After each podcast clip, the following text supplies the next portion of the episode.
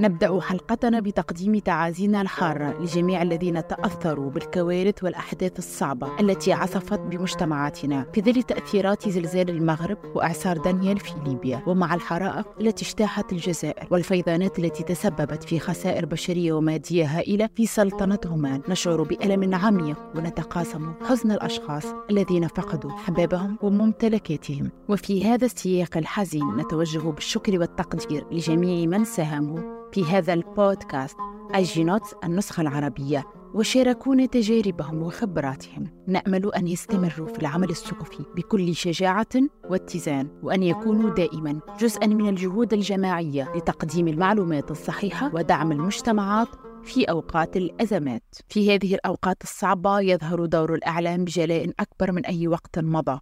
الصحافة هي الجسر الذي يصلنا بالحقيقة. والأمل الذي يساعد الناس على فهم ما يجري من حولهم وتوجيههم نحو السلامة وتوجيه الجهود نحو تقديم المعلومات الدقيقة ودعم المجتمعات في هذه الأوقات الصعبة. لإعداد هذه الحلقة قمت بالتواصل مع عدد من الزملاء والزميلات وقد استضفت زميلي سفيان السعودي وهو مراسل شبكة الصحفيين الدوليين في المغرب الذي عاش على الأرض هذه التجارب الصعبة. استمعنا إلى نصائحه وإرشاداته حول كيفية التعامل مع الكوارث البيئية والمحافظة على الصحة الصحة الجسدية والنفسية أثناء أداء دورنا وما هي أبرز الأخطاء التي لاحظها سفيان خلال التغطيات على عين المكان. مرحبا بكم معكم سفيان السعودي من المغرب مراسل شبكة الصحفيين الدوليين. آه، في المغرب لازلنا نعيش تحت وطأة الصدمة جراء الزلزال الذي ضرب آه، مناطق متعددة وبالضبط في آه، الجنوب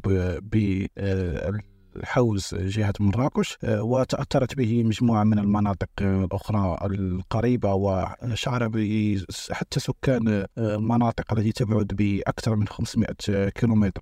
آه هذا الزلزال الذي وكبه مجموعة من الإعلاميين والإعلاميات من مختلف الدول وكان حديث المرابر الصحفية آه هذه التغطية الصحفية كانت في مجملها يعني تنقل الأخبار تنقل المعلومات حول الضحايا حول أعداد القتلى حول القصص الإنسانية التي طرأت جراء هذا الزلزال. ولكن للأسف كانت هناك ملاحظات عديدة حول بعض التحديات التي واجهت الصحفيين في عملهم. من بينها انتشار كم هائل من المعلومات المغلوطة منها كذلك عدم دراية بعض الصحفيين ببعض تقنيات تغطية مناطق الكوارث وكذلك التغطية الأخلاقية للقصص الإنسانية تصوير الأطفال في وضعيات يعني صعبة كذلك يعني تصوير مشاهد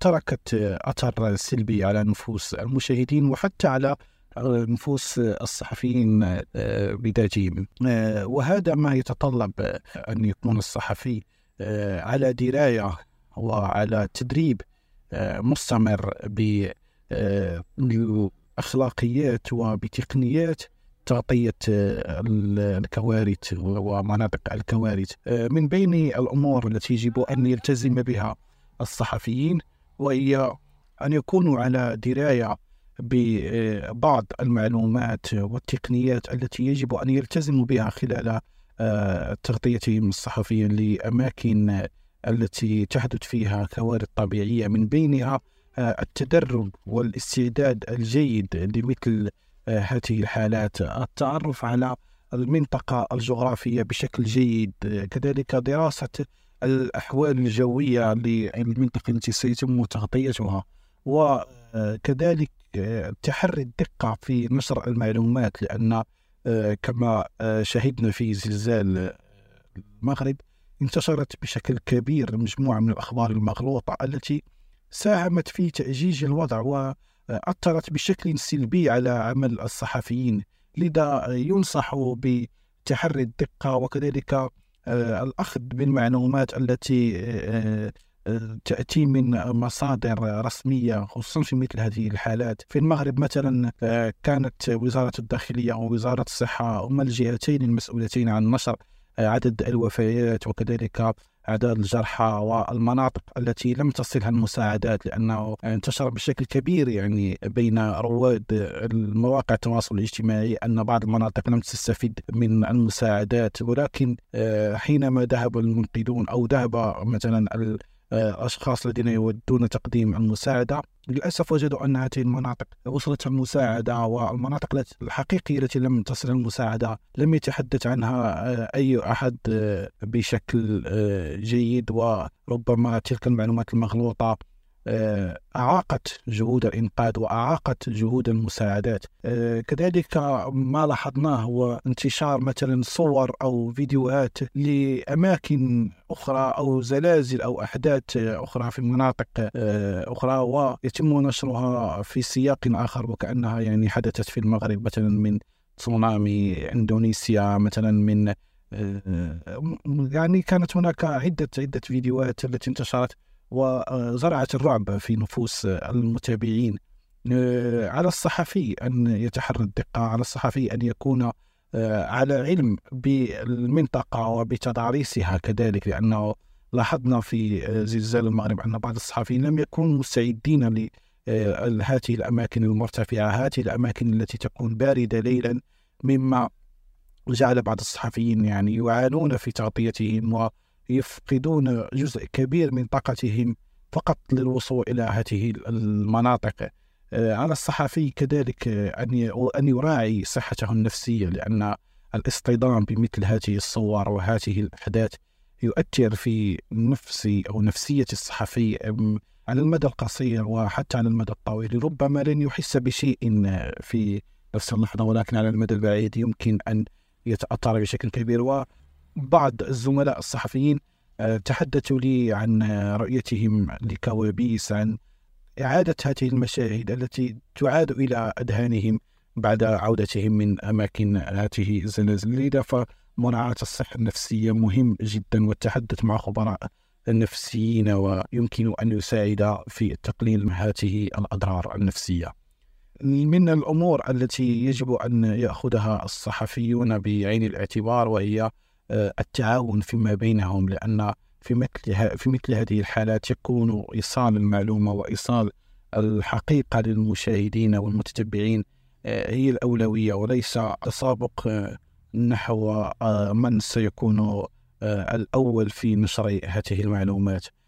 من الإرشادات التي يتحدث عنها الخبراء كذلك وهي حماية المعدات في مثل هذه الأماكن وعدم الانزلاق في فخ الشو يعني بعض الصحفيين يودون أن ينقلوا آه، أكبر عدد من الصور من داخل الأماكن التي تضررت ولكن ربما تكون الأماكن تشكل خطورة عليهم وعلى معداتهم وقد يصابون هم كذلك يعني بجروح. آه، لذا ينصح الخبراء بحماية المعدات وحماية الحماية الجسدية للصحفيين حتى لا يفقد الصحفي معداته وتضيع عليه المهمة آه، التي جاء من أجلها. وكذلك حتى لا يصاب الصحفي ويعيق جهود الإنقاذ أن في الوقت الذي قد يأتي الصحفي لنقل الخبر ومساعدة فرق الإنقاذ قد يصبح هو نفسه عالة على آه، آه، هؤلاء المنقذين ويصبح كذلك واحد من المتضررين من هذا الزلزال بعدما أن كان واحدا من من ينقلون المعلومات. لذا فيجب على الصحفي أن يكون على دراية بكل ما سينفعه في تغطيته لهذه الظروف وأن يكون على استعداد آه، أن يتدرب بشكل جيد أن يشارك في الدورات التدريبية التي تقدمها مجموعة من المؤسسات من بينها المركز الدولي للصحفيين آه، لتعلم هذه الطرق وهذه التقنيات ليكون على استعداد. لأن العالم يتغير بشكل كبير ونتمنى أن لا تعاد مثل هذه هذه الظروف. وإن عادت فيجب أن يكون الصحفيون مستعدون. تواصلت مع زميلي يوسف سكور الذي شاركني تجربته الشخصية وقدم مجموعة من النصائح المهمة. أهلا وسهلا بكم. من خلال يعني فاجعة زلزال الحوز هذه الفاجعة التي طبعا تحمل بقدر ما تحمله من مآسي بقدر ما تحمله من دروس. وهي آه، فعلا دروس للإنسان العادي لأفراد المجتمع. كما هي دروس للصحفيين وأيضا العاملين في المجال الإعلامي آه، على اعتبار أنها ساعدت بشكل كبير في عكس ملامح التعاون بين مختلف مكونات المجتمع لأجل تقديم إجابات فورية آنية لفائدة فئات من المجتمع تعرضت لكارثة إنسانية فجائية لم تكن طبعا متوقعة وكانت يعني نالت من وضع هش زادته هشاشة لكن قيم التضامن والروح المعنوية التي حملها أفراد من المجتمع المدني كما حملها صحفيون وصحفيات من أرض الميدان ساعدت على الأقل نسبيا في آه، يعني تلطيف الأوضاع يعني تفاعلا مع الأسئلة التي آه، طرحتم. أعتقد أن من الإرشادات الرئيسية التي على الصحفيين اتباعها خلال تغطية آه، حوادث طبيعية. طبعا هو دراسة الوضع قبل القدوم إلى يعني إلى إلى وقع موقع الفاجعة. على اعتبار سلامتهم الشخصية التي تظل طبعا آه، أساسية جدا. ذلك من حيث يعني محاولة يعني استقصاء معلومات سواء من جهات حكومية حول حجم الأضرار أو غير ذلك وأيضا من من مصادر إن وجدت بعين المكان لمحاولة أخذ صورة قبلية على الوضع هناك. في في مستوى ثان هو العدة الصحفية طبعا اللباس الواقي تفاديا لأي آه، يعني أي أذى قد يتعرض له الصحفي أو الصحفية خلال مزاولتهم مهامهم على أرض الميدان. المصادر الموثوقة التي نعتمدها نحن نحن كصحفيين يعني آه، خصوصا خلال هذه يعني الفاجعة آه، هي وكالة الأنباء. وكالة الأنباء وأيضا وزارة الصحة ووزارة الداخلية كلها مؤسسات يعني آه، حكومية حضرت إلى أرض يفرقها إلى إلى عين المكان فور وقوع الفاجعة. كانت تزود بمعلومات يعني تعتبرها دقيقة. وأيضا موثوق. زيد على ذلك أن هنالك يعني أشخاص على أرض الميدان يمكن أن يزودوا بمعلومات لكن هذه المعلومات يعني نكون مطالبين للتحقق منها مرة ثانية. على اعتبار أنها في لحظات معينة تكون معلومات فيها يعني فيها ذاتية مفرطة خصوصا أمام هول الواقعة وهول الفاجعة. القضايا البيئية والاجتماعية التي يجب على الصحفيين التركيز عليها خلال تغطية حوادث طبيعية مثل هذه أعتقد أنه مثلا مثل الزلازل آه، هنالك في أحيان كثيرة تدمير لكثير من البنى التحتية. وتدمير البنى التحتية مثلا قد تدمر معه مجاري الصرف الصحي أو غير ذلك أو حتى بعض الأماكن وهذا مع استمرار الحياة في نفس نفس المكان يمكن أن يؤثر سلبيا على الفضاءات أو المجالات الجغرافية المجاورة، الحال الذي يعني في حالة زلزال الحوزه هذا لم يحدث فعلا على اعتبار أنها منطقة نائية وليست هنالك أيضا آه، يعني مصارف للمجاري للصرف الصحي، لكن آه، أعتقد أنه آه، التاثيرات البيئيه على ساكنة المنطقة سواء في الحوز سواء في تارودان أن هنالك مجموعة من الينابيع التي فجرت ويعني صارت صار منسوب المياه مرتفعا. وهو أيضا تأثير إيجابي الإيجابي آه، عرفته المناطق يعني على بالإضافة إلى هذا إلى تأثير الزلزال. ويعني آه، من حيث التأثيرات السلبية أعتقد أن هنالك يعني كما أسلفت الذكر في أماكن أخرى بعض الظواهر أو بعض ال ال ال يعني الأمراض التي تظهر جراء تغير نمط الحياة لدى الأفراد وأيضا آه، طريقة التخلص مثلا من النفايات الصلبة وغير ذلك يسير يسير معه الأمر يحتاج كثيرا من التنبه واليقظة لئلا يسير يعني تزير تصير الفاجعة سببا في مظاهر أخرى للتلوث أو الإضرار بالبيئة. آه كيف يمكن للصحفيين المساهمة في نشر الوعي بأهمية التحضير والاستجابة لحوادث الزلازل والكوارث البيئية بشكل عام؟ أعتقد أن طبعا الصحفي النبيه الذي يشتغل هو الذي لا يكتفي فقط بالمعطى الواقع المعطى الواقع. بمعنى أنه لا ينقل لنا فقط الخبر ولكن هو أيضا يعطي ويفرد مساحة للاستزادة المعرفية للاطلاع وأيضا لأن يكون نسبيا مستحضرا لمختلف التحديات التي قد تقع على المستوى الدولي. تعرفين وتعرفون أنه التحديات البيئية لا يوجد أي بلد هو في منأى عنها. بالتالي خصوصا أمام موجة التغير المناخي التي اليوم تطال بلداننا العربية هذا أعتقد أن معه يجب على الصحفيين إجمالا أن تكون لهم ثقافة بيئية. هذا سيساعدهم أولا في تقديم محتوى آه، قد يكون سابقا لأوانه ليكون استباقيا. والتدخل الاستباقي للصحفي يظهر من خلال التوعية بمجموعة من من من الممارسات التي قد يعني آه، تطلب من الفرد. وتكون هي سبيله للنجاة أثناء الأزمة وأثناء الكارثة الطبيعية. ما دام الأمر كذلك أنا أنصح طبعا أن تكون للصحفي خلفية بيئية وأن يكون له اطلاع حول معارف أساسية. أنا لا أطلب طبعا التخصص بمعنى التخصص. علاقة بالصحة النفسية للصحفيين والصحفيات. أعتقد أنه آه، يعني آه، آه، الصحة النفسية هو بناء. وأعتقد أن على الصحفي والصحفية أن أن يشتغل على هذا المجال وأن يسعى في أن في تطوير آليات التفريغ والتنفيس للضغط النفسي قبل يعني خلال حياته اليومية على اعتبار أن المهنة كطبيب بطبيعة المهنة نحن معرضون في أي لحظة إلى استقبال ضغوط نفسية وحالات إنسانية تتصف بكثير من الصعوبة والتعقيد. وعليه يعني في خلال تكوين الصحفي يعني بناء بناء تكوينه العلمي الأكاديمي أقترح يعني أن يكون هنالك حيز لمجال الصحة النفسية وكيفية التعامل مع التعامل مع الأزمات آه، تطوير مجموعة من العادات الإيجابية وأيضا كيفية التخلص من كم المعلومات الصعبة لأن هذا التراكم في لحظة من اللحظات يولد الانفجار. وعلي أعتقد أنه لكي يكون الصحفي فعلا آه، قادرا على التعامل مع وضعيات إنسانية صعبة. في لحظة معينة يجب أن يبني هذا التراكم عبر التكوين عبر الاطلاع عبر يعني زيارة حتى مجموعة من المحللين النفسانيين لأجل تطوير أدوات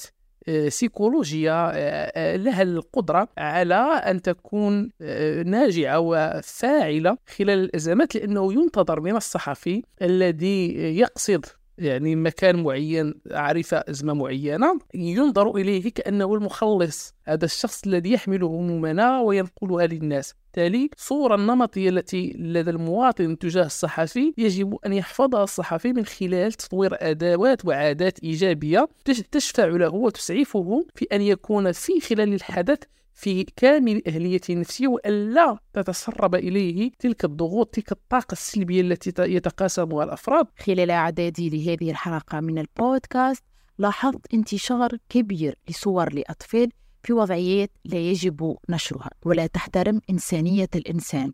فتواصلت مع الأستاذ المصطفى أسعد ممثل الشبكة العربية للصحافة العلمية في المغرب ورئيس تحرير المغرب الآن. وقد أفادني جدا بمداخلته التالية. بالنسبة للدور الذي يمكن أن تلعبه الجهات الرقابية أو يعني الأجهزة التنظيمية أو كذلك القضائية إذا دعا الأمر فهو دور كبير. فمثلا بالمغرب قامت النقابة الوطنية للصحافة المغربية بتوجيه نداء باحترام الحق في الصورة خلال تغطية زلزال إذ جاء فيه أن النقابة تتابع آه، الفوضى التي يتم بها التقاط صور ضحايا الزلزال المدمر. الذي ضرب الحوز وترودانت أه وقالت آه، يعني النقابة أنه لكل شخص حق في تملك صورته وطرق استعمالها من طرف الغير. اللهم إلا إذا كانت الصورة المستعملة تدخل في إطار ضرورات الإخبار أو مبررة موضوعيا بمصلحة عامة أو إذا كان المعني شخصية عمومية أو موافقا على التقاط صورته. فمن هنا جاء تدخل النقابة للحد يعني من يعني ذاك التهافت الذي يمكن أن يؤدي إلى مشاكل مهنية. كذلك دعت إلى محاربة الأخبار الزائفة والتركيز على الجودة المهنية والتقيد بأخلاقيات المهنة. فهي أمور أساسية. النيابة العامة كذلك دخلت على الخط في هذا الأمر وخصوصا في واقعة لأحد المؤثرين أو ما يسمى بالمؤثرين فالذي قام بفيديو له علاقة يعني باستغلال جنسي نوعا ما فكان الأمر ضروري للتدخل للحد من يعني انتشار الصور بشكل رهيب جدا خلال التغطيات أو ما يسمى كذلك بالإتجار بالبصر لأنه الأمر تجاوز نقل الصورة لما هو أخطر وأعمق. فهنا يجب آه، أن تلعب الجهات الرقابية والجهات القانونية دورها في حماية أي مواطن وكذلك حماية الصحفي في حد ذاته. حمايته من الفوضى العارمة التي أصبحت تعتري وسائل, وسائل التواصل الاجتماعي وكذلك غياب أخلاقية المهنة وانتشار الأخبار الزائفة بشكل رهيب. يصبح من الصعب تمييز الحقيقة من الأكاذيب وهذا يمكن أن يكون مثيرا للقلق خاصة عندما يتعلق الأمر بأزمات أو قضايا حيوية. مرحبا معكم رويدة العربي. أنا الصحفية ومدققة معلومات ليبية. عملت سابقا ضمن فريق منصة نورني لتدقيق الحقائق وأنا متعاونة مع فريق في ميزان فرانس بريس إلى جانب كوني رئيس تحرير منصة هي تتحقق. سكان المدينة جميعهم تضرروا ودرنا أصبحت منطقة منكوبة غير صالحة للعيش حاليا. هناك حالة من الصدمة هناك أسر أقفلت ملفاتها ولا يعرف مصيرها. نحن نتحدث عن أسر كاملة كانت تعيش في مبنى واحد وهذا المبنى دمر بالكامل ولا يمكن معرفة مصيرهم. آه طبعا هناك انتشار للأخبار الكاذبة خاصة الصور ومقاطع الفيديو التي تنسب لليبيا. وبقرب أزمة دولة المغرب في الموعد من أزمة ليبيا لاحظنا أن هناك مقاطع وصور نسبت لليبيا وهي في الحقيقة صورت في المغرب خلال كارثة الزلزال الأخيرة. ويؤسفني القول إن العديد من القنوات الإعلامية المعروفة وقعت هي الأخرى في فخ التضليل ونشرت تلك الصور والمقاطع على أنها من ليبيا. طبعا لابد من الإشارة هنا إلى أن هناك صعوبة في دخول الفرق الصحفية لتغطية الأزمة عن قرب في درنا ما يدفع مؤسسات عديدة للاستعانة بما ينشر على السوشيال ميديا في التغطيات الصحفية. نحن ننصح هذه المؤسسات في ظل عدم مقدرتها على توثيق الأحداث حاليا داخل المدينة على الاستعانة بما ينشره المدونون الموثوقون الموجودون على الأرض في درنا وبعدم السير وراء السبق بالدرجة الأولى والتأني قبل قبل نشر أي معلومة تم تداولها على صفحات وحسابات تحمل أسماء وهمية. آه، ولابد أيضا من تفعيل دور الصحفي المدقق ما قبل النشر داخل غرف الأخبار لأن هذا الحدث الحاصل حاليا في دارنا هو كارثة كبرى لم تحدث سابقا. وأنا أتوقع أن يشار لهذا الحدث على مدى الأعوام القادمة كأكبر كارثة طبيعية شهدتها ليبيا منذ زمن.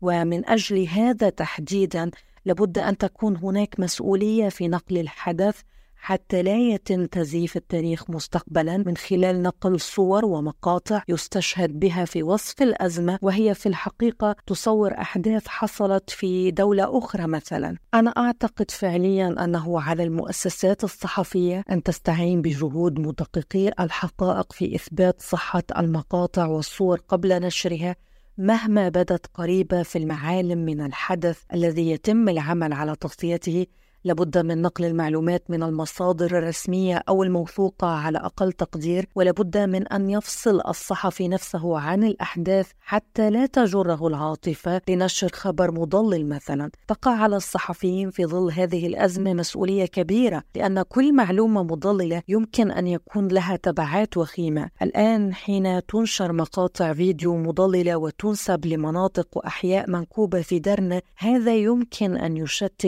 جهود فرق الإنقاذ القادمة من خارج المدينة بجعلها تبحث عن أماكن غير موجودة مثلا. إلى جانب ذلك الأخبار المضللة يمكن أن تثير الرأي العام وتثير الفوضى والتوتر والذعر بين صفوف الناس. آه، ردا على سؤال الأدوات والممارسات التي أستخدمها كصحفية لضمان دقة التقارير. آه، لقد عملت ومنذ بداية الأزمة وانفجار سدرنا على متابعة كل المقاطع والصور التي تم تناقلها وارتبطت بالحدث. نظرا لعدم تمكننا من التواجد على الأرض كنا نستعين بمعلومات تصلنا من أشخاص تمكنوا من الوصول للمدينة المنكوبة آه، خلال تلك الساعات العصيبة التي عاشتها المدينة.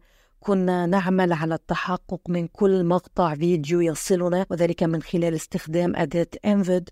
وكنا نتحقق من كل صورة من خلال عملية إدخالها في محركات بحث الصور المعروفة مثل Google Image Reverse Yandex Bing وأيضا TinEye عملنا أيضا على تتبع المنشورات وأصحابها والصفحات وما تنشره.